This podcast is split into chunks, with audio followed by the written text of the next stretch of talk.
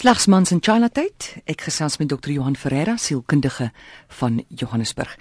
Johan, ek het nou die aand met skok verneem toe ek televisie kyk dat uh, mans wat seksueel gemolesteer is of verkrag is, so wyd voorkom en ek dink dis eers sedert 2010 wat dit nou erken word as 'n kriminele oortreding.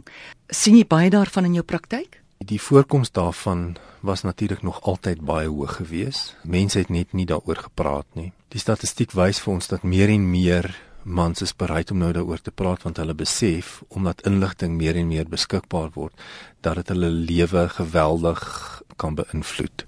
So as deel van my inname onderhoud in tydens 'n terapeutiese proses met mans, is dit gewoon een van die standaard vrae wat ek nou reguit vra. Is daar enige geskiedenis van enige vorm van seksuele misbruik in jou lewe? Jy weet, was jy al ooit verkrag? Ehm, um, was jy ooit gemolesteer? En dit is absoluut skrikwekkend om dan te sien hoe die die reaksie by hulle eintlik vir hulle geweldig traumaties is dat iemand so reguit vra want niemand vra dit nie. Dit maak hulle verhoudings geweldig kompleks, nie net in terme van hulle seksuele verhouding nie, maar ook in terme van ehm um, die sosiale verhouding. Hoe hulle hulle maat vertrou, wat hulle aan hulle maat openbaar in terme van hulle emosionele wêreld. Ja, ek wil weet wat gebeur as 'n man met daai geheim rondloop vir 20, 30 jaar. Dit gaan gepaard met geweldige skaamte. Die die man voel dat hy iets daaraan moes kon doen. As dit nou gebeur het toe hy 'n kind was, dan is die proses natuurlik jy weet dat hy dat hy moet verstaan dat hy hulpeloos was. Maar as dit met 'n volwasse man gebeur, um, en die statistiek wys vir ons dit gebeur baie, dan word manlike identiteit natuurlik onmiddellik aangetast. Ek was nie sterk genoeg nie kon myself nie beskerm nie. Daar was iets wat ek gedoen het wat vir die persoon die aanleiding gegee het dat ek seksueel beskikbaar was, wat natuurlik absoluut 'n nonsens is.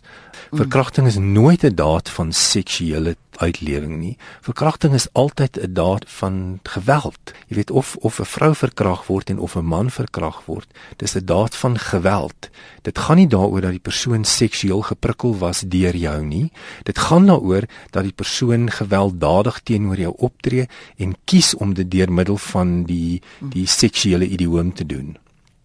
Nou om dit vir iemand te probeer verduidelik, gaan mense 'n proses nodig hê, want dit het uit die aard van die saak met my liggaam gebeur. Dit het met my gebeur. So dis vir hulle baie moeilik om te dissosieer van die idee dat dit nie oor my gegaan het nie. Dit het dan met my gebeur.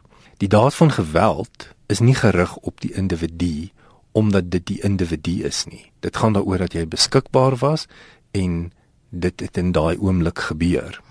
Dit kan ons net deur baie gesprekvoering en baie insig en baie vlakke van van die onbewuste oopmaak uiteindelik verstaan dat ek myself daarvan moet losmaak. Nou man sukkel daarmee want hulle moet uit die aard van die saak nou 'n hele nuwe dinamiese manier van dink aanleer wat vrouens baie gemakliker doen as mans.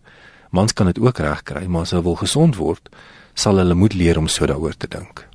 Hoekom is dit vir mans moeiliker om daai gedagtepatroon te verander? Ag, jy weet seentjies word nie regtig gesosialiseer om emosioneel so gesofistikeerd te dink soos vrouens nie. Vrouens kry dit ook baie makliker reg om die die emosie van 'n van 'n konteks beter te verstaan. Beteken glad nie mans kan dit nie doen nie. Dis net vir hulle moeiliker.